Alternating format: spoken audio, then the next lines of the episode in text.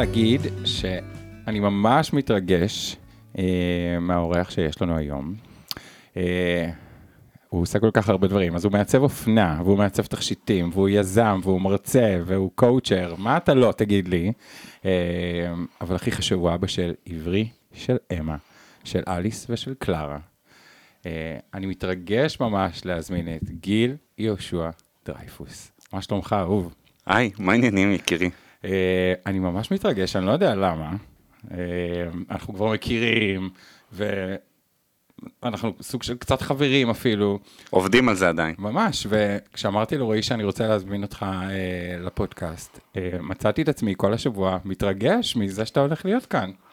אהובים שאתם. גם אני מאוד מתרגש להיות פה, אה, אני גם אוהב אתכם, מעריץ אתכם, אתה מדבר על כל הפעלים שלי, בוא. אתם, אה, אתם עושים מיליון דברים, אתם הפאוור קאפל האולטימטיבי. תודה, שזה נראה ככה ב, בעיניים שלך. אה, ניסיתי לחשוב למה, הרי אין לך שום קשר להורות משותפת, וזה כאילו פודקאסט שמתעסק בהורות משותפת. אה, אבל מאז שראיתי את ההרצאה שלך, ממש רציתי שתבוא ותיתן למאזינים שלנו לפחות קצת כוחות. אה, ו... והשאלה הראשונה שאני, תכף אנחנו נדבר על הסיפור ונכניס קצת את המאזינים שלא מכירים את הסיפור שלך לתמונה. איך אתה עושה את זה? כאילו, איך אתה עושה את זה? אני לא מכיר כל כך הרבה אנשים שהיו יכולים לעשות את מה שאתה עושה. כאילו, מאיפה הכוחות?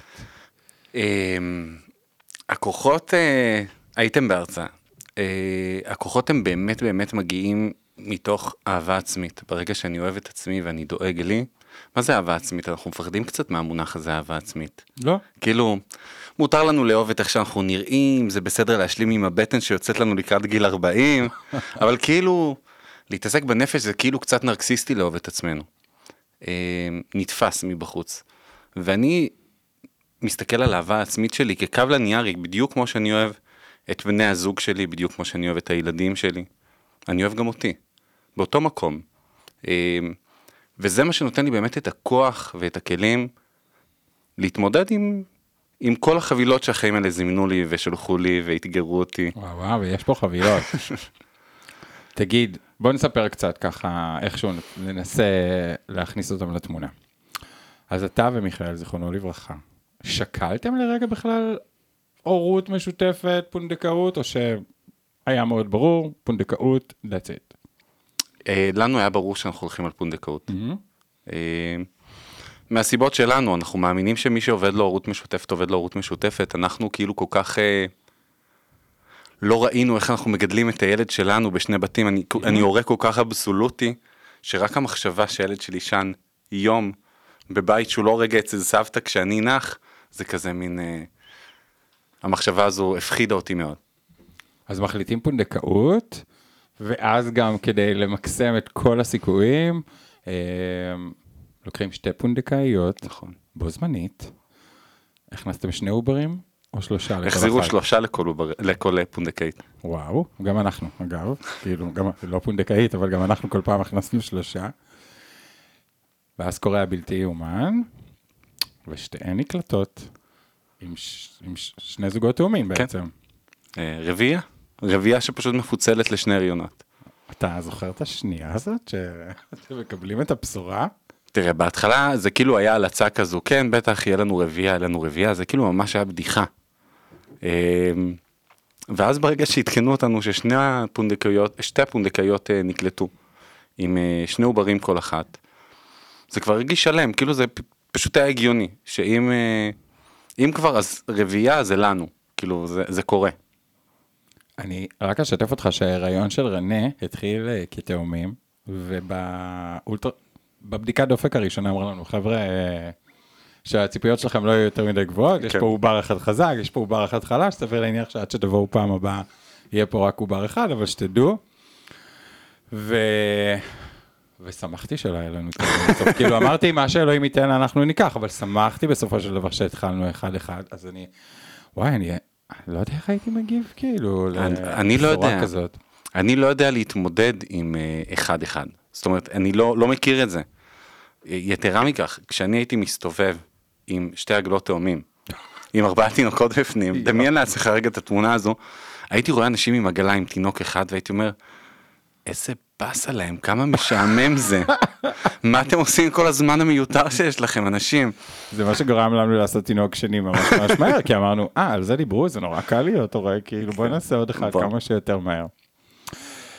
אמ, טוב, בוא נספר גם למאזינים שלנו שעשיתם את הפונדקאות בנפאל, נכון? אמ, זה היה בתקופה הזו שכל השע- השערים התחילו להיסגר ונשארה בנפאל. ואתם מקבלים טלפון בשבוע 29 של אחת, ה- של אחת הפונדקאיות.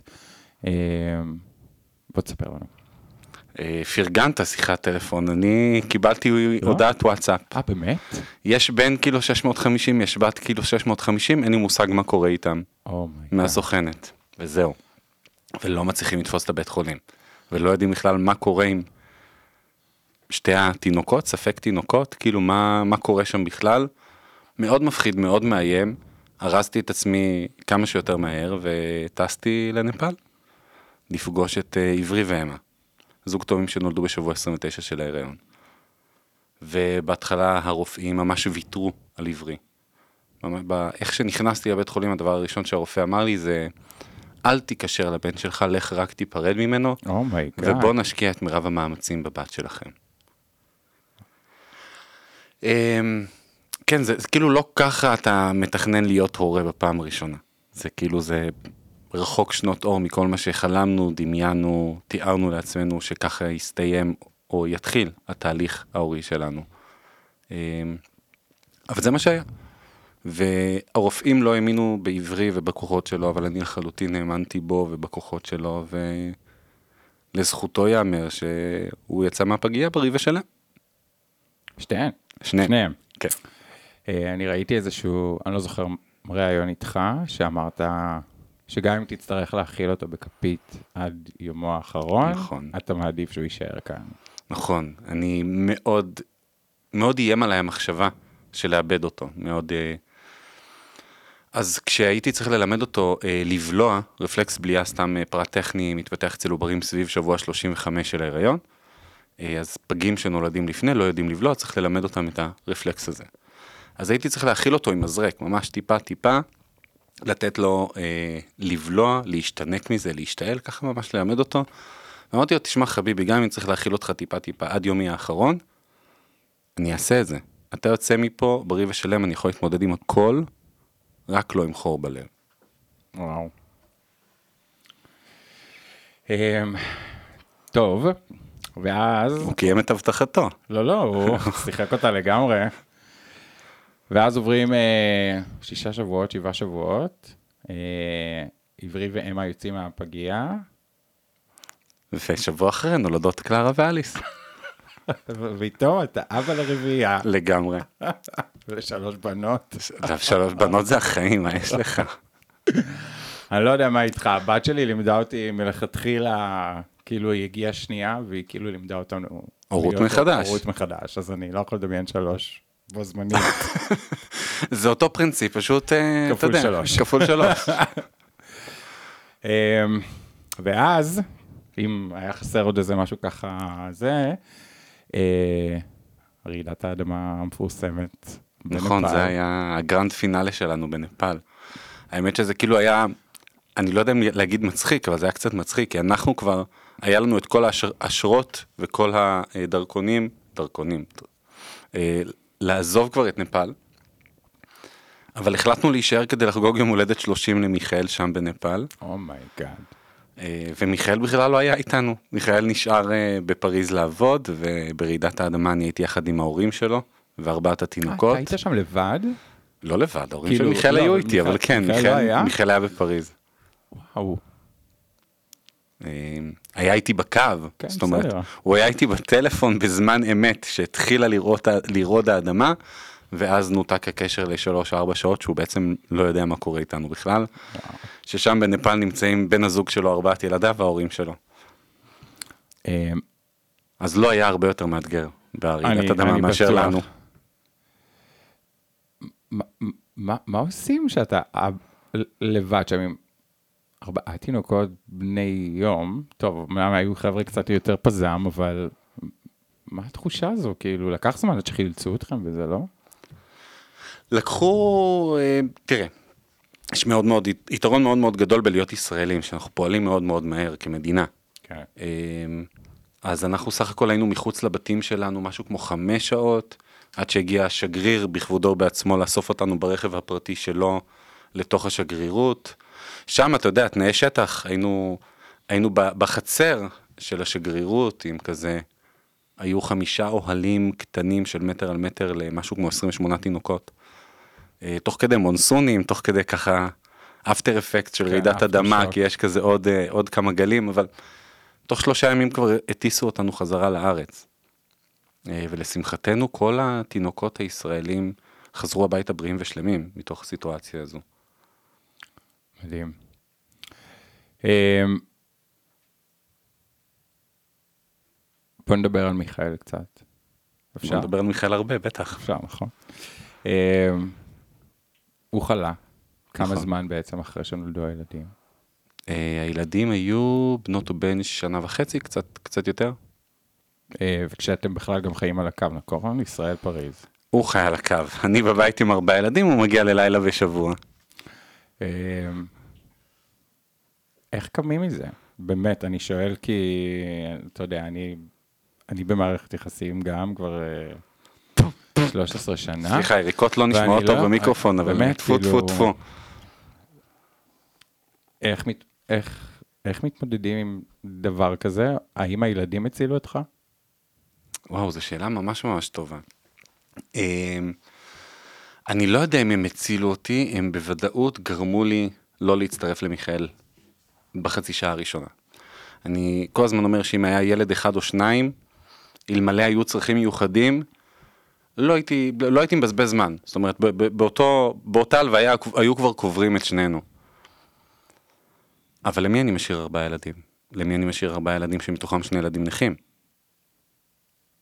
מי יהיה הורה מספיק טוב עבורם, כמוני, אם אני חותך עכשיו ומצטרף למיכאל? ההתחלה היא מאוד, אה, מאוד דרמטית, כי אין אוויר בחמצן, אין משהו שלא, הוא לא טריגר, כל דבר הוא טריגר לבכי פסיכי, כל דבר הוא מפרק. אבל אין אופציה, אין אופציה להישאר מתחת לפוך ולבכות את חיי רק. אני צריך לקום ולהאכיל ארבעה ילדים. אמ, אז אם הם הצילו אותי, לא, כי באותה נקודת זמן לא יכלתי לראות כמה אני אוהב אותם. אבל אה, אני חושב שאני הצלתי אותי. מתוך ההבנה שאני רוצה לדאוג להם. אבל בת, כשאני הסתכלתי עליהם ברגעים שמיכאל נפטר, זה כאילו נורא להגיד את זה, אבל אני הייתי מחליף את החיים שלי לחלוטין בחזרה, הופך חזרה, מסובב חזרה את הדלתות, ונשאר מיכאל ואני לנצח לבד, רק בשביל להישאר מיכאל ואני. כי זה הספיק לי. האהבה שלו ושלי באמת באמת הספיקה לי. היא הספיקה לי, היא הספיקה לו. אנחנו עשינו ילדים כי רצינו לעשות ילדים, אבל... זה לא שהיה חסר לנו איזה משהו בתוך הלב, שמתוך זה עשינו ילדים. הוא מילא את הלב שלי ואני מילאתי את הלב שלו. נולדו ילדים, נפתחו עוד חדרים. כן. אבל אה, זה לקום מתופת. זה לקום מתופת כי זה לגמרי לשלוף את הקרקע היציבה במהירות שיא, בלי, בלי יכולת להגיב לזה, בלי יכולת לספוג את זה, כי זה לקחת לי את החבר הכי טוב שלי, את הבן זוג שלי, את המפרנס העיקרי של הבית, את השותף שלי למיליון דברים, להורות הזאת. זה כל זה בבת אחת נלקח. נלקח וכאילו שום דבר לא יחזיר את זה. זה אני מול חמ... ארבעת הילדים, חמישתנו צריכים להבין מחדש איך להתמודד עם העולם הזה בכלל. זה, עכשיו אנחנו מדברים על ארבעה ילדים בני פחות משלוש, שניים מתוכם נכים סיעודיים, ואת כל זה אני צריך כאילו תוך כדי שברון הלב המטורף שאני חווה, לתפעל. אז זה בהחלט היו רגעים של תופת, רגעים של כאילו, זה לא שווה את זה. מה, מה טעם החיים בכלל, אם ככה הם נראים? איך זה ש... אתה גם מתחיל לעשות חשבונות. אתה אומר, רגע, מיכאל מת בגיל 32, אבל החרא הזה עדיין חי. למה המניאק הזה עדיין חי ומיכאל מת בגיל 32? כן, אה? אתה כל מי הזמן- כאילו, מי מי אחראי? פה על החלוקה? מי מחליט? אתה יודע, למיכאל היה סבא, אה, חרא סבא. כאילו בן אדם רע לכל הדעות. אין כאילו, אין מישהו שיוכל לומר עליו מילה טובה, אפילו בהלוויה שלו לא היה מי שאומר עליו מילה טובה. ניצח שני סרטנים, אה, נפל בגיל 92, אני זוכר את הנפילה הזו, נפל באמבטיה בגיל 92, שבר את האגן. חודשיים וחצי אחרי, הוא חזר לעמוד בלי קביים. שד משחת. אתה אומר, זה חי עד 97 וזה מת לי בגיל 32? מי אחראי על הסדר הדפוק הזה בעולם? זה עושה לך טוב או מעצבן אותך כשאומרים שאתה גיבור? אמ, אני לא תופס את עצמי כגיבור, אני ממש, אבל ברור לך שזה כאילו... זה הדבר, זה נגיד, אני תופס אותך ככה. אני גם תופס אותך כגיבור, אז זה בסדר, זה עובד לנו. אמ, אבל בוא נחבר אותם למה אומרים שאתה גיבור, רגע שנייה, כי... אה, בוא, אה, בעצם עברי ואמה, אחרי כמה זמן אה, אתם מבינים שהם אה, ילדים עם צרכים מיוחדים, עם שיתוק מוחין? עברי מאובחן סביב גיל עשרה חודשים, ואמה סביב גיל שנה וחודשיים. אתה כבר בתוך האבהות, זה, זה, זה, זה משנה משהו בך? או שאתה רק מבין שהמשימה יותר קשה, כאילו שהולך להיות יותר מאתגר? המשימה בהחלט יותר מאתגרת, אבל עם זאת, היא כאילו מביאה איתה מלא מתנות. אה, ההסתכלות על החיים לגמרי לגמרי משתנה. אתם מבינים למה הבאתי אותו עכשיו? עכשיו אתם מבינים? כי הוא גילה שיש לו שני ילדים עם שיתוק מוחין, והוא ראה בזה מתנה, והוא יושב מולי פה, והוא אין, אין, הוא אמיתי. כאילו, הבן אדם הזה אמיתי. שלא. תצטרך לסתור לי כדי לא, שהם לא, יאמינו. עכשיו- תמשיך. תראה, הורות מביאה איתה אתגרים. כן. אתה מסתכל על שני הילדים שלכם לצורך העניין, כל ילד והאתגר שהוא מביא איתו. אז עברי והם מביא, מביאים איתם אתגרים מסוג מסוים, אבל גם קלרה ואליס מביאות איתן אתגרים. אז שיתוק מוחין, נכון. אם אנחנו כאילו חוזרים אחורה ומפנטזים על עצמי עומד אה, בשמלה נקייה עם עוגה לבנה אה, מול הגדר הלבנה שלי והכלב והילדים רצים סביבי, כן, בפנטזיה, נכון, התנפצה הפנטזיה. הילדים לא רצים סביבי. אבל הם עדיין הילדים שלי. הם גדלים, והם גדלים והם מאושרים, ואלו הם הילדים שלי. אני לא מכיר, אני לא יודע מה זה לגדל את עברי בלי שיתוק מוחין. אני לא יודע מה זה לגדל את אמה בלי שיתוק מוחין, אבל בדיוק כמו שאני לא יודע איך זה לגדל את אליס לא בלונדינית עם עיניים כחולות. זו הורות, אלה הילדים שלי, זה מביא איתה מלא עבודה, מלא התעסקות, אה, שיקומים, טיפולים, סבלנות, חמלה, אבל זה מביא איתו גם מלא מלא קסם, כי יש את המשפט הקלישאתי שאומר, אם תנסה את אותו דבר, אה, אה, לעשות את אותו דבר כמה פעמים, אל תצפה לתוצאה שונה. ובאים הילדים האלה ומלמדים אותך אחרת. אתה מלמד אותם להחזיק כפית 200 פעם, אבל ב-200 ואחד הם הצליחו להחזיק את הכפית ולהכניס אותה לפה. ועשית את 200 הפעם את אותו הדבר. זה משנה לחלוטין את חוקי המשחק. ובכאן ועכשיו, טוב לי ושמח לי. מה יהיה עוד 15 שנה? תמיד אנשים אומרים ומה, ומה יהיה כשהוא יצטרך להתגייס? מה אז? אז אני תמיד מזכיר שיש לי חברים אה, שאני מאוד אוהב, שלא התגייסו ואין להם שיתוק מוחין. כן. ויש לי חברים וחברות מופלאים ומופלאות שנשארו רווקים גם בגיל 30 ו-40 ו-50 ו-60. הם לא המציאו את הגלגל, זאת אומרת, להיות מאוים ממה יביא איתו העתיד, זה אם אני אחפש רגע אה, להסתכל על חצי הכוס המלאה, בלאבד את מיכאל, זה הבנה ששום דבר בעתיד הכל כך רחוק הוא לא רלוונטי. יש וואו. היתכנות. וואו. נכון, יש איזושהי היתכנות, אבל שום דבר בעתיד הרחוק לא רלוונטי. אני לא יודע אם מחר אני אהיה פה, אני לא יודע אם מחרתיים עברי יהיה פה, אני לא יודע אם עוד עשר שנים, מי יהיה פה?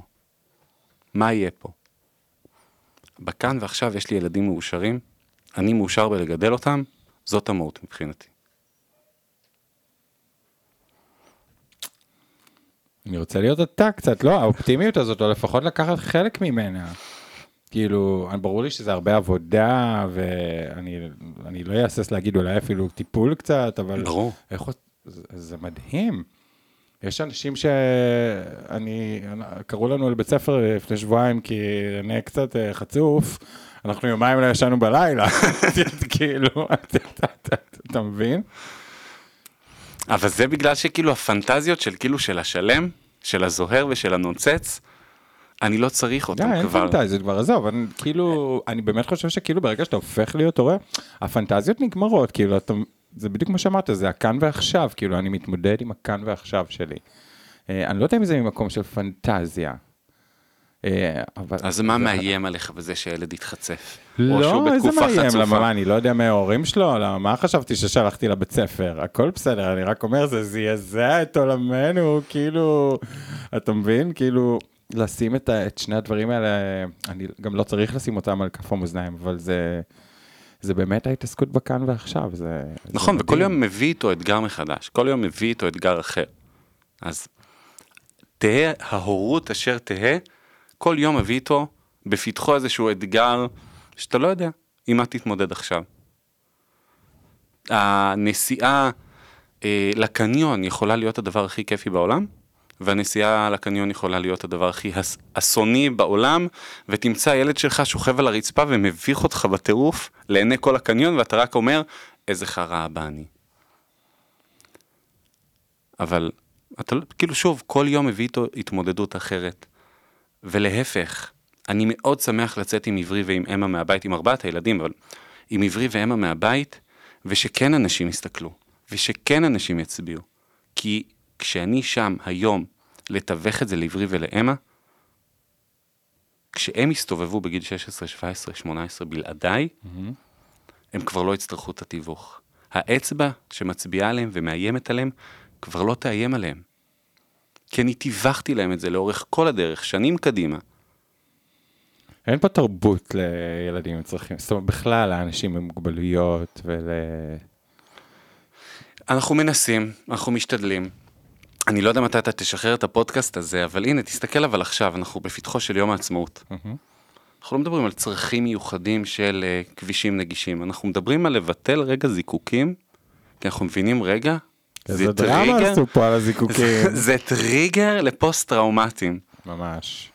ותראה איך אנשים מגיבים על זה שהם רוצים להזיז להם את הגבינה שלהם. אז נגישות. אז כל אה, הורה אחד, הורה שתיים, משוויץ על הילד האוטיסט שיש בכיתה של הבן או הבת שלו, כדי להראות כמה הם פתוחים ונאורים. אה, הלכה למעשה, אה, לא נפתחים במתנ"ס חוגים שיכולים לשלב ילדים נכים.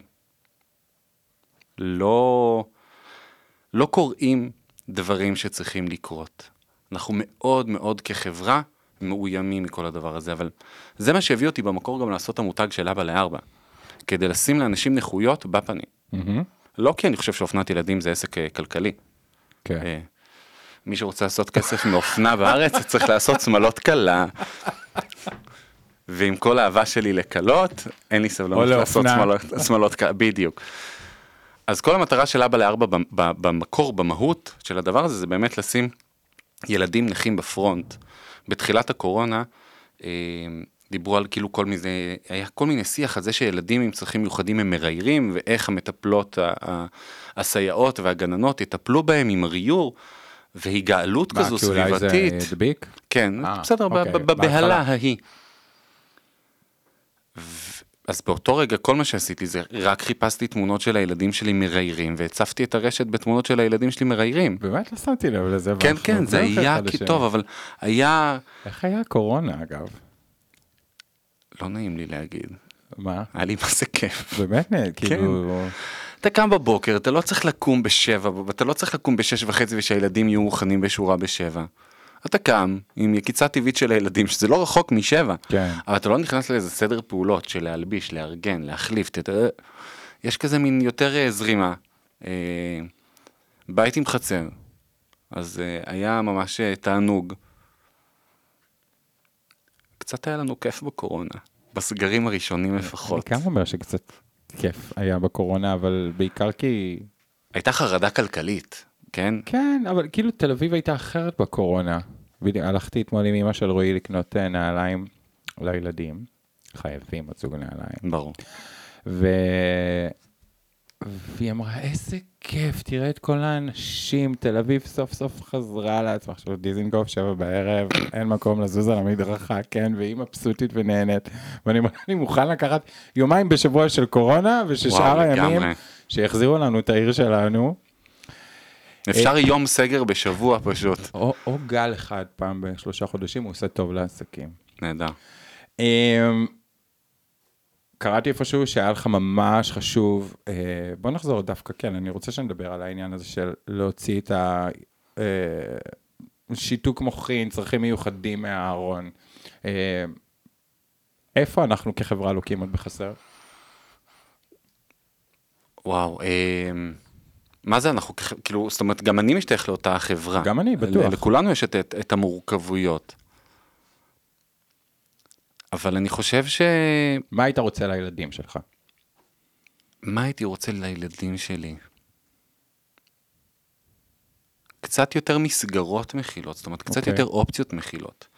קצת יותר אופ- אופציות למסגרות. היום כשאתם אה, לצורך העניין רוצים לרשום את הילדים לאיזושהי מסגרת, אתם מסתכלים, יש לכם חלופה של 5, 6, 7, 8, 9 אופציות. נכון. לי אין. אבל יש חוגים? אין. או שזה נגמר ב... חוגים לא, חוגים זה לא, לא קיים בכלל. יש בתוך הגן של אמה חוג כדורגל לארבעה חמישה מפגשים פעם בשנה. אה, זה, זה כאילו, זה החוג שאני יכול לתת לאמה. אמ, אבל זה לא רק החוגים, זה בכלל, אתה רוצה לרשום את הילדים לבית ספר, לגן, יש לך אופציות. לי אין אופציות. כל אופציה היא במידת מה התפשרות, כי, כי אין לי מבחר. אמה עתידה לעלות לכיתה א' בספטמבר. יש לי רק מסגרת אחת, כמעט רלוונטית בירושלים. בתל אביב רלוונטי. נגיד יש יותר? לא, יש בית ספר יותר טוב בתל אביב. אה, כי אמה ממש נופלת בין הכיסאות. אמה מצד אחד ילדה, אולי הילדה בת השבע הכי אינטליגנטית שאני מכיר. מצד שני, הנכות שלה מאוד מאוד בולטת לעין והיא מאוד מעכבת אותה, זאת אומרת, היא לא יכולה לרשום בכיתה עכשיו לכתוב א', ב', ג', היא צריכה את האייפד שלה, היא צריכה כל מיני התאמות וכאלה, הקצב שלה הוא אחר. אז היא לא מתאימה לשילוב, כי אז למעשה בשילוב זה אמה עם עוד 25, 28, 32 ילדים בכיתה, ואיזושהי סייעת שיושבת צמודה אליה ועושה במקומה את כל הפעולות, כי אותה סייעת היא גם לא מורת חינוך מיוחד. אז היא לא באמת בהכרח יודעת איך לתווך את הדבר הזה. אז זה לא אופציה. האופציה של הבית ספר לילדים עם שיתוק מוחין בירושלים, אין כיתה ברמה האינטלקטואלית של אמה, וואו. אז היא צריכה להנמיך את, עצ- את עצמה קצת כדי להיכנס לאיזושהי מסגרת. כל, ה, כל, ה, כל הדבר הזה, כל המעטפת הזו, אם אני אקח איפה שנמצאים היום אה, ילדים אוטיסטים, בתפיסה החברתית, בהתייחסות, בראייה, בכוח הלוביסטי שיש להם, אני מאחל לנו כהורים לילדים שיתוק מוחין, מוחין להיות בעוד שנתיים, שלוש, ארבע, חמש, אותה מעצמת כוח. אני אומר את זה כאילו אני מעריץ אותם, מעריץ את כל העמותות וכל הגופים שיש להורים לילדים אוטיסטים, הם לקחו את זה ממש כמה צעדים קדימה, מעורר השראה. אני מאחל לנו להיות באותו מקום. ההורים האחרים צריכים גם לצאת מהארון שזה יקרה? מאיזו בחינה? אני מרגיש שהייתה יציאה מאוד גדולה מהארון של כל ההורים, אה, כאילו שאוטיזם זה כבר לא אה, משהו קללה. זה כבר לא קללה, אה, כבר לא מתביישים בזה אפילו. אה, זה עבודה עוד- משולבת. יש עוד הורים שצריכים להיות כמוך?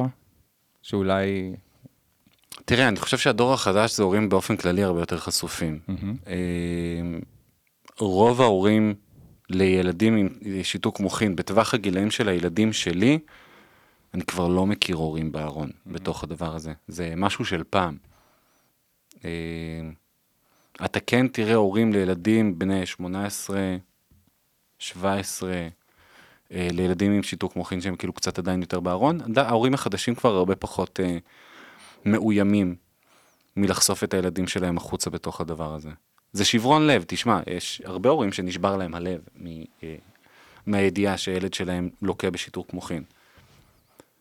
אבל יחד עם זאת, זה הורים מאוד פעילים והורים מאוד נוכחים והורים מאוד חזקים. אה, זה משהו שקרה, במקרה שלך ספציפית, זה משהו שקרה בלידה, בגלל הלידה המוקדמת, זה משהו שפספסו זה נו- בבדיקות, או ש... לא, זה לא משהו שאפשר לבדוק. אה, שיתוק מוחין זה כאילו אה, מגיע בעיקרון כחוסר חמצן למוח. זה תהליך לידה, תהליך פגות, זה לא משהו שהוא הוא פרה-לידתי, הוא לא משהו הריוני. Mm. אה, אבל שוב, אה, לא, סתם, זה רצ- כזה אני מין- רצ- אני רציתי ללמוד. יש, מ-. יש מלא הורים להמון ילדים מכל מיני אה, אה, קשתות מיוחדות למיניהם, אה, שעשו את כל הבדיקות הרלוונטיות ועדיין הגיעו למעמד הלידה וגילו דברים שונים ממה שהבדיקות אה, הציגו, אז אה, הבדיקות לא בטוחות ב-100%, זה גם לא רלוונטי.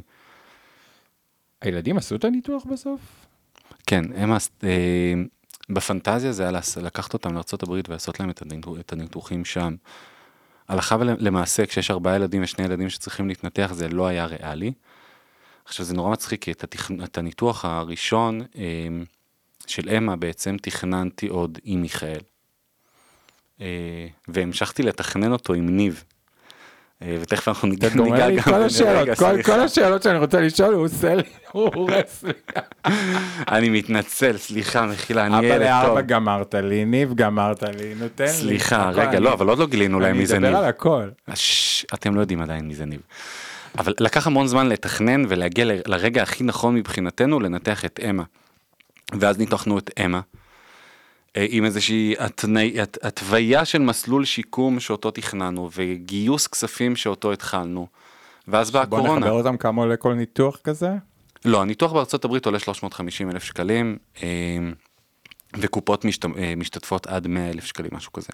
אבל יש רופאים שמנתחים את הניתוח הזה בארץ.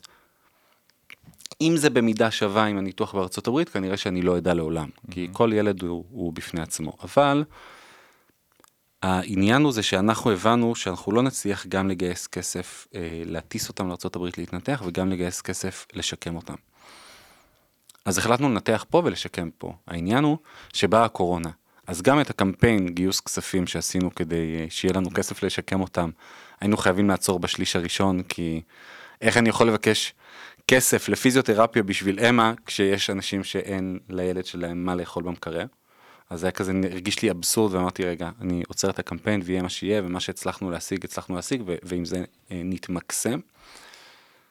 וגם השיקום עצמו, שהיה פחות... אה, היו סגרים בבית, זאת אומרת, אמה עברה את הניתוח והיו ימים שלמים שאני הייתי צריך לשקם אותה עכשיו, בוא, אני כן יודע לטפל בה, כן יודע לעבוד איתה, אבל אני לא פיזיותרפיסט, אני לא הידרותרפיסט, אני לא... היא הייתה כלואה בבית. עברי עשה את הניתוח שנה וחצי אחרי אמה, אמ, אבל עליו זה כמעט כמעט כמעט ולא השפיע. הניתוח שלו היה ממש אה, הרבה יותר מינורי וכמעט ולא, לצערי לא הביא הרבה תוצאות אה, יחד איתו. זה מאכזב. כאילו יש איזושהי אכזבה. זו שאלה מעניינת, כאילו, ברור, קודם כל ברור. זאת אומרת, יש לך איזושהי ציפייה לראות איזושהי קפיצה משמעותית. אבל מצד שני, אם אני מספיק כנה עם עצמי, זה לא שבאמת חשבתי שעברי יעשה את הניתוח ויתחיל לשחק כדורסל. כן. אני ציפיתי שזה יחסוך ממנו ניתוחים אורתופדיים אחרים, שניתוח נוירולוגי יחסוך ממנו ניתוחים אורתופדיים. פה האכזבה, שהניתוח הנוירולוגי לא הצליח לחסוך ממנו אה, ניתוח אורתופדי שהוא יצטרך לעבור. אני מנסה לדחות את הקץ, אבל הוא יצטרך לעבור אותו בשנה, שנתיים, שלוש, אם אני אצליח לדחוק את זה ממש הקרובות. עכשיו, עברי, אה, ניתוח אורתופדי עם עברי זה עניין נורא מורכב, כי עברי הוא לא ילד מדבר. ואי אפשר לדעת עד הסוף את כמה הוא מבין מתוך השיח. הפחד הוא בלא להצליח לתווך לו את הכאב שלו. כי ניתוחים אורתופדיים זה כאבי תופת. אמה עשתה אחד באוגוסט. בשלושה חודשים הראשונים, ולא הגזמה למען המחשה, אני קמתי בין 12 ל-25 פעם בלילה. לחבק ילדה צורחת, להרגיע אותה ולתת לה... עכשיו, ילדה צורחת כשהיא הולכת לישון על ווליום, קנאביס ואופטלגין. ועדיין כאבי תופת. אבל היא, יכלתי לתווך לה את הכאב, יכלתי לתרגל לי את הנשימות. הפחד זה כאילו להיכנס עם עברי למצב כזה שהוא לא... שלא יהיה לו איך להכיל את זה. תסביר לי רגע, אה, אבל הוא מבין אותך, כי ראיתי בסרטונים שאתה אומר לו, תרים את הראש, הוא מרים כן, כן, הוא מבין, הוא מבין המון דברים. פשוט לא מדבר. נכון, הוא לא מדבר, אבל בגלל שהוא לא מדבר, אתה לא יכול לדעת עד איזה רזולוציה הוא מבין. זאת אומרת, אם הוא מבין רק אוקיי. פעולות, או הוא מבין... יש לו מלא חוש הומור, זאת אומרת, הוא מגיב לסיטואציות מצחיקות, הוא מגיב למילים מצחיקות, הוא, הוא מבין. עד כמה, אין לי את התשובה לזה עדיין. הקולקציה, אתה חושב שהם נהנו להיות ב... כאילו, אתה צילמת אותם, וזה היה גאוני ויפה וזה, אתה חושב שהם הרגישו אה, גיבורים? אה, אמה לחלוטין כן, עברי אה, גם כי הוא ממש אוהב תשומת לב. קלרה היא דיבת על, כאילו זה, כאילו זה... קלרה זו זו שפגשנו בשבוע האופנה, נכון? נכון. סבבה, אנחנו תכף נגיע גם לזה.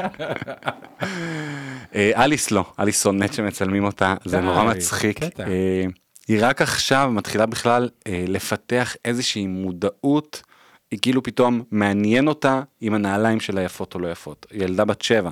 וואו. היא עד עכשיו כאילו, אתה יודע, היא רק בחודשיים האחרונים התחילה להסתרק מול מראה. כאילו פשוט לא עניין אותה, זה כאילו לא היה העולם שלה בכלל להסתכל על איך היא נראית. אז בטח שלא לצלם אותה. טוב, בוא נדבר על ניב. חשבת שזה יקרה עוד פעם? אה, שאני אתאהב שוב.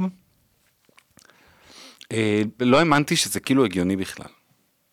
אה, להתאהב באותן עוצמות עם עוד בן אדם. חשבת שמישהו יצליח להתאהב בך עם, עם, עם, עם, ברור עם, שלא. עם כל מה, ש- עם כל מה ברור שאתה בא איתו? ברור שלא. צריך אה, להיות בן אדם... הוא, הוא בן אדם מדהים, כן. אנחנו תכף נדבר על כמה הוא בן אדם מדהים, אבל לא, אני לא האמנתי שכאילו, זה נשמע תלוש מהמציאות, בוא, אנחנו חיים אה, בעולם מסוים.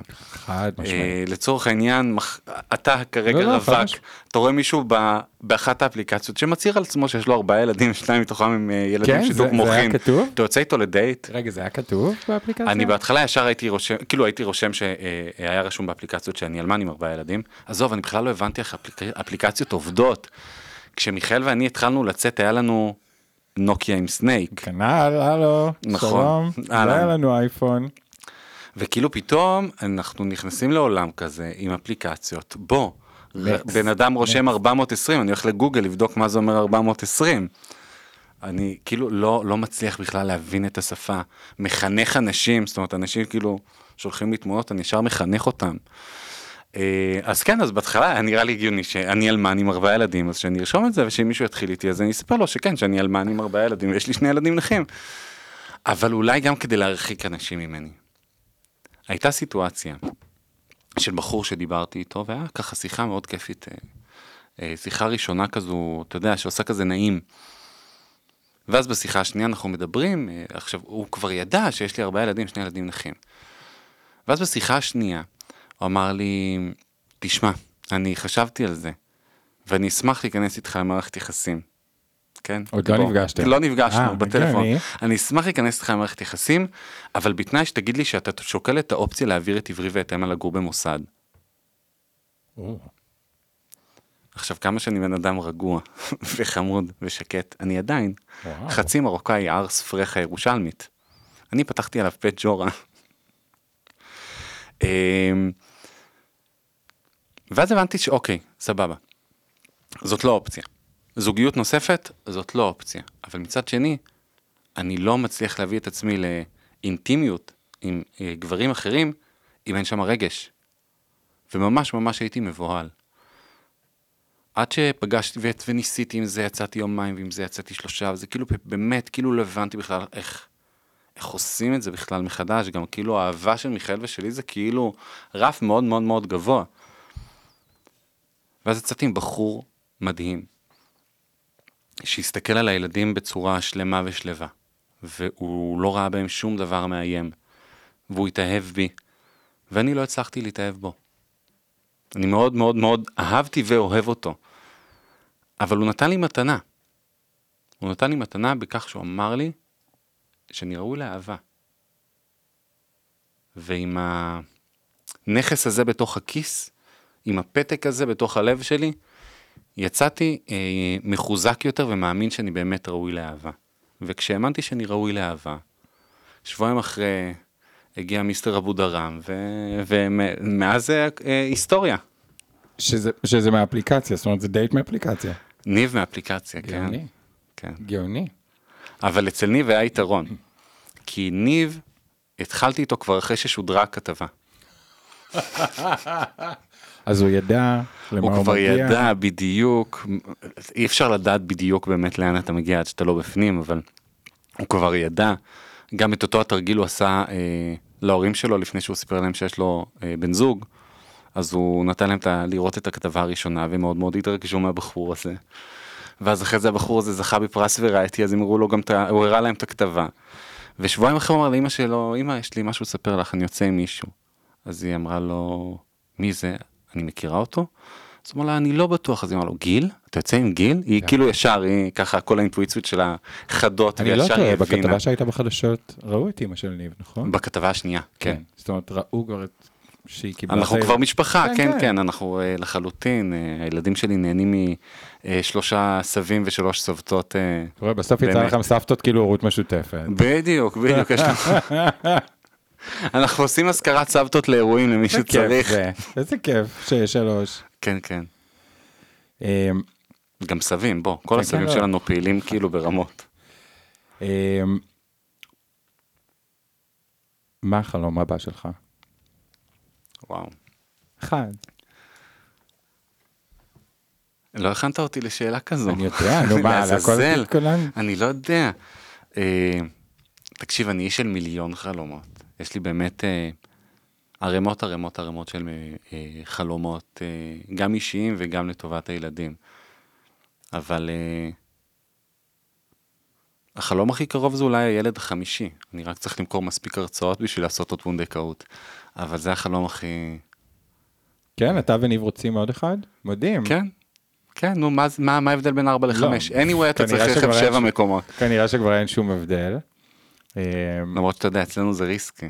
פתאום אני אחזור עם עוד שניים הביתה. אז לא להכניס שלושה כן עוברים. צריך, אז כן צריך כבר אוטו. גדול יותר. אתה יודע שכשבהיריון השני, אמ, גל הייתה כבר בת אה, 43, אני חושב, אה, והייתה לנו הפלה אחרי רנה בחודש חמישי כמעט, הפלה לא פשוטה, היינו צריכים לחכות חצי שנה, ואז עוד ניסיון, והזרע של רועי חבל על הזמן, טאק, נקלט שוב ישר. ולמה התחלתי לדבר על הסיפור הזה? שאלה טובה. אה, לא, נו, אנחנו על מה דיברנו? אנחנו דיברנו? על זה שאני רוצה את הילד החמישי. אה, על העוברים, על העוברים. ורועי חזר הביתה בצבע לבן, לא הייתי בהחזרה באותו יום. לא, כי הוא בדרך כלל כאילו פשוט שחום נורא. אמר לי, אני לא רוצה שתכעס, אבל אה, החזרנו שלושה עוברים. מה? אתם נורמלים? כאילו, מי יגדל אותם אם יהיו עכשיו תאומים השלישייה? אבל... אה, לא, לא, אבל היא, אתה יודע, בת 43, זה רעיון בסיכון, אף אחד לא זה נותן לה להחזיק שלישייה. זה היה מטורף, אה, לא משנה, בסוף אה, נשאר רק, נקלטה רק אחת, שזה כמו ארבעה ילדים בעצם, עכשיו שאני חושב על זה, האחת הזאתי. אז אה, עוד ילד, חתונה בדרך גילית לי. נכון. ממש ממש בדרך, ב-27 לחודש. וואי, כן. מתרגש. אמ, מתרגש, מעדיף להיות אחרי, האמת. כאילו, מה זה אחרי? תן לי להיות ברחבת הריקודים אחרי שסיימתי חופה, אחרי שסיימתי הכל. אה, זה כן. כל השאר זה לחץ. כן. אמ, אנשים לפני שהם יוצאים למסע הזה של ההורות שלהם, לוקחים את הזמן. עכשיו, אה, דיברנו על זה בהתחלה כזה, לא כולם דוארים, ויש אנשים ש... אני רוצה שתגיד להם שצריך להזדרז, ושחבל על כל יום. תראה, אף אחד מאיתנו לא נעשה צעיר יותר. אמ, אז לחלוטין. יש אנשים שהפחד משתק אותם, נכון? אבל מנגד לא כולם חייבים להיות הורים. לא, לא, אני מדבר על אלה שרוצים להיות, לא, אני, אני האחרון שחושב שכולם צריכים להיות הורים. אני מדבר על מי שרוצה להיות, ולוקחים את הזמן, ולוקחים את הזמן, וה-35 הופך ל-38, ו-40 הופך ל-42. תן שני טיפים שלך לאיך לא לתת לפחד לשתק אותנו. או, אתה הכנת פה תותחים כבדים, השאלות שלך. לתותח כבד אה, צריך להכין... אה, הגעתם לפינתה של אודטה, אה, טיפים לאיך לא לפחד. בנושא של הורות, או בלקבל החלטות, או... או, אבל זה הכי. לקפוץ למים ולתת לה באמת לאינסטינקטים שלנו לעבוד. הורות מבחוץ וגם מבפנים היא עבודה מאוד מאוד מאתגרת, אבל זו אולי העבודה הכי מספקת והכי מגניבה שיכולה להיות. ואנחנו הרבה פעמים מפחדים על לאבד את החיים הפרטיים שלנו, ומה? אז אני כבר לא אצא למסיבות. אז מה? אני, אני כאילו פתאום, אם הייתי מסתכל והייתי אומר, אני אהיה אבא שגם יוצא בערב ומבלה, והיום נכון, אני אולי קצת עייף מדי בשביל לצאת בערבים ובסופי שבוע לבלות, אבל אני לא מרגיש שאני מפסיד שום דבר. אני לא מרגיש שאני מפסיד שום דבר, להפך, ההתברגנות המאיימת הזו, זו ערגה, זו, זו, זו תקופה מדהימה. ללכת לישון ב-10 בלילה זה אחד הדברים הכי מספקים ומגניבים שיכולים להיות. הרבה יותר מגניב מעוד ישיבה אצל חברים, עם עוד שחטה מסתובבת, עם עוד uh, מסיבה של uh, לא משנה מי. אתה קם בבוקר, אתה מסניף את הריח הזה שלהם, את ההבל פה המסריח הזה שלהם, וזה כל עולמך, זה שווה יותר מ-40 ג'ין טוניק ברצף באפטר באומן. טוב, אני מסכים, אבל אני בהורות משותפת, אז יש לי גם וגם. בוא נדבר על התכשיטים קצת. יאללה. שלך, לא שלי. כן, שאלה אחרונה, בסדר, אני יודע. מה, אתה מלחיץ למי- אותנו למי- בזמנים? רגע, לא דיברנו על קלרה, לא דיברנו על... זה, סתם. למי, למי עשינו, למי עשית את התכשיטים האלה? המהממים האלה. התכשיטים? אה, התכשיטים, אה, יש לי מותג שנקרא מי וג'ושוע, אה, שבא לתת מענה, תראה, תכשיטי הוקרה לנשים יש אין סוף. אה, תכשיטי יוקרה לגברים אה, זה קצת יותר אה, טריקי ויותר מורכב לאתר ולמצוא. עכשיו, אני אוהב שאתה אומר יוקרה. הם גם יקרים. נכון הם יקירי? יקרים. לא, לא, אני, אני נכנסתי לאתר. אוקיי. אני עובד עם זהב ויהלומים, לא, לא, באיכות מאוד מאוד גבוהה. טוב מאוד, אני רק אומר שידעו, זה לא רק יוקרתי, זה גם יקר ומהמם. לא היה לנו שיח על זה אה, על גבי הפייסבוק השבוע שניסיון ומחשבה לא, לא. ועבודה אה, שווים תמורה זה שווה, כלכלית. אני, אני, אני לא יודע להעריך דברים כאלה, אבל אני רק, אני, אני לא חשבתי שזה זה, כאילו, כן. ואז נכנסתי לאתר וראיתי ואמרתי, אוקיי, לא, כי רציתי להגיד לך, להביא לי איזה פיס שראיתי, כן. להביא לי, להביא לך. כאילו, תביא לי, ממי תביא לי. כזה, נשבע לך, רציתי להגיד לך, תביא לי. ואז ראיתי כמה הוא עולה. ונבהלת. לא, אז אמרתי, אני, יש גבול לכמה שאני יכול להיות חצוף. התכשיטים הירוקים מהממים, כל הדברים, האבנים הירוקים, פשוט מושלם. אז נטו לגברים, אז זהו, אז עד עכשיו נטו לגברים, ודווקא כאילו בכל הברנד החדש שאנחנו עושים, כל הצילומים הח- החדשים שאנחנו הולכים לעבוד עליהם, אנחנו בכלל מעיפים את המגדר החוצה. אנחנו לא רוצים להתעסק במגדר, אנחנו רוצים לשחק בכלל עם המגדר הזה. אה, כדאי. כי בסופו של יום אנחנו, אנחנו רואים שכאילו אנחנו משווקים את זה כתכשיטים לגברים, אבל בסופו של יום רוב הנשים המגניבות קונים אצלנו, קונות אצלנו. אה, שאין לזה באמת אה, משקל וערך מוסף. כן, די, נגמר. אה, די, נראה לי מיצינו שיח על מגדר, הגיע הזמן לשחרר אותו ולתת לו להיות משהו. אז בוא נדבר על הכוכבת, אה, ששרפה את שבוע האופנה, מה שרפה, מה זה שנקרא. שרפה? תצוגה ראשונה של שבוע האופנה, אתה הגעת אה, בבגדים, אתה וקלרה הגעתם בבגדים של המעצב האהוב שאנחנו חולים עליו, של דרור. נכון. אה, איך היה? היה כיף, תראה, עם דרור אנחנו עושים כזה כברת דרך מאוד ארוכה בכל מה שקשור לשבועות האופנה. אה, זה כבר התצוגה מי שלא מבין דרור החמישית. קונטנטו המלך. כן, האיש והשפם. אה, אז זה כבר תצוגה חמישית של דרור. אה, דרור ואני חברים 15 שנה בערך. זה כיף לך. כן, כיף. ואתה יכול להיות חבר שלו, חיים. שלי. הוא ישמח. אז, אז, אז פתאום אבל לבוא עם קלרה, ילדה בת שבע, שכאילו זה מאוד מאוד היא. אה, היא הייתה נראית כאילו זה נורא טבעי לה הרד קרפט וזה, וביקשו ממנה להצטלם איתה כן, בלי כן, סוף. וזרקה את הג'קט כזה, כן. הורידה אותו מהכתפיים ונעמדה ודופקת מבטים, ואני, יש. אמ, יש, למה יש הזה? כי קלרה היא אני. ואני לא יכלתי להיות אני כשהייתי ילד בן שבע. בגלל זה נגיד כשאני מסתכל על מיכאל בן דוד, אני כאילו, העיניים שלי נוצצות, כי מיכאל בן דוד הוא הילד בן שבע שאני. שכולנו רצינו להיות, כל בדיוק. ההייטרים האלה שמשחקים אותה, זה... בסדר, זה שלהם, עזוב אותם. בדיוק מה אני- שכולנו חלמנו להיות. אני כאילו מיכאל, על- מסתכל על מיכאל בן דוד ואני אומר, אתה הילד בן שבע שאני תמיד חלמתי, ופתאום יש את קלרה, שהיא הילד בן שבע שאני תמיד רציתי להיות. היא עומדת, והיא מודעת, והיא משחקת, והיא שרה, והיא נהנית, ויש לה מקום לזה. וזאת המראה, זו, זו אחת המתנות הכי מגניבות שיכולתי לקבל בחיים שלי, זה כאילו שפתאום אני יכול לתת לה דרור, או לכל אחת מהבנות שלי והבן שלי, דרור להיות הם עצמם, ואין דבר יותר כיף מזה. כי אנחנו מביאים איתנו ניסיון שלהורים שלנו לא היה. נכון. וזה מוביל אותי לשאלה האחרונה. אתה מצליח לייצר עם כל אחד מהם זמן בנפרד? בטח, כן? ברור. זה... זה חשוב לי. אמ, אבל כאילו אנחנו מדברים על זמן בנפרד, אז הוא לפעמים כאילו בתפיסה שלנו צריך להיות משהו נורא נורא גדול. וזה לא. הם, תראה, הם בשלב שהם עדיין עושים קקי עם דלת פתוחה. זה זמן נהדר, חוץ מהמחנק, להיכנס ולסגור את הדלת ולנהל שיחה, ולהיות בזמן, בחלל קטן לבד, ולדבר, ולהרגיש בנוח. לא צריך רק לחפש את ה... לנסוע עכשיו אה, שלושה ימים לעשות עם אה, אליס אה, סדנת ויפאסנה ניקוי רעלים. זה לא, זה הקטנות האלה, זה השנייה לצאת למרפסת עם קפה עם אחת מהן, או עם אחד. אה, שם נמצאות הקטנות. עם אמה ועם עברי יש לי הרבה זמן לבד מתוך, מתוך תוקף שיקומים וכאלה. יש הרבה זמן אנחנו פשוט אה, בין לבין דברים אז אנחנו נמצאים לבד.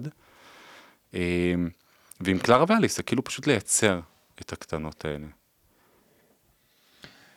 וואו. אמ, אני רוצה להודות לך שבאת לפה, ממש. אה, אני חושב שאנחנו יכולים להמשיך לדבר פה עוד שעות אה, ארוכות. בסדר, אנחנו נקליט אה, עוד אה, פרק, אה, אנחנו- אנחנו נעשה איזה אולסטאר. אני רוצה להודות לפודקאסט בית אריאלה, שאירח אותנו באולפן המדהים שלו. אה, אהוב, אה, תמשיך אה, להוות, אני מחפש כל הזמן אנשים שיהוו לי השראה, אתה לגמרי בחמישייה שאני נהנה לקרוא אותה, לעקוב אחריה, שנותנת, אתה שונא שאומרים לך את זה, אבל שמכניסה פרספקטיבה לחיים שלי. אז תודה, ותודה רבה רבה שבאת. תודה לך, לא ו- היה פשוט. וזה הדדי לגמרי. זאת אומרת, אני מסתכל עליכם וכל הזמן אומר, איזה כיף יש לי לאן לשאוף. אה, אה, כי אני גם מסתכל עליכם ללמעלה. אה, ושמח על כל הדברים שאתם עושים, וזה שיש לכם ביצים ללכת עם הדברים שלכם עד הסוף. תודה להסתכל רבה. ולהריץ, ואני חושב שהעסק הבא זה ייעוץ עסקי, לא? מתבקש. זה העסק, זה אחרי, אחרי שתסיימו עם, ה, עם הנדלן, אז אתם תעשו ייעוץ עסקי, ליווי עסקי. אה, זהו. תודה רבה לך, גילה, אנחנו תודה אוהבים רבה. אותך.